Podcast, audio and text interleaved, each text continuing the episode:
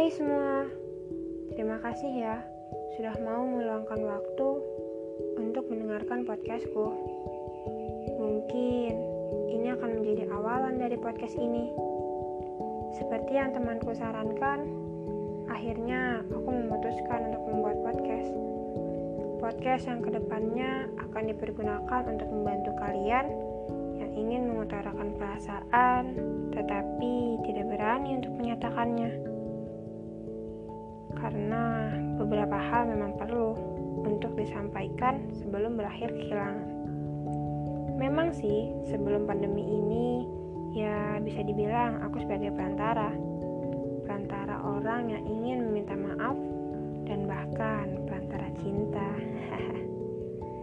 Tapi karena untuk saat ini jarak memisahkan kita, aku jadi sulit untuk melakukannya. Mungkin benar saran dari temanku ini membuat podcast. Awalnya aku kesal dengan kata membuat podcast ini. Tapi setelah aku pikir-pikir, dengan adanya podcast ini bisa mengisi waktu gabutku.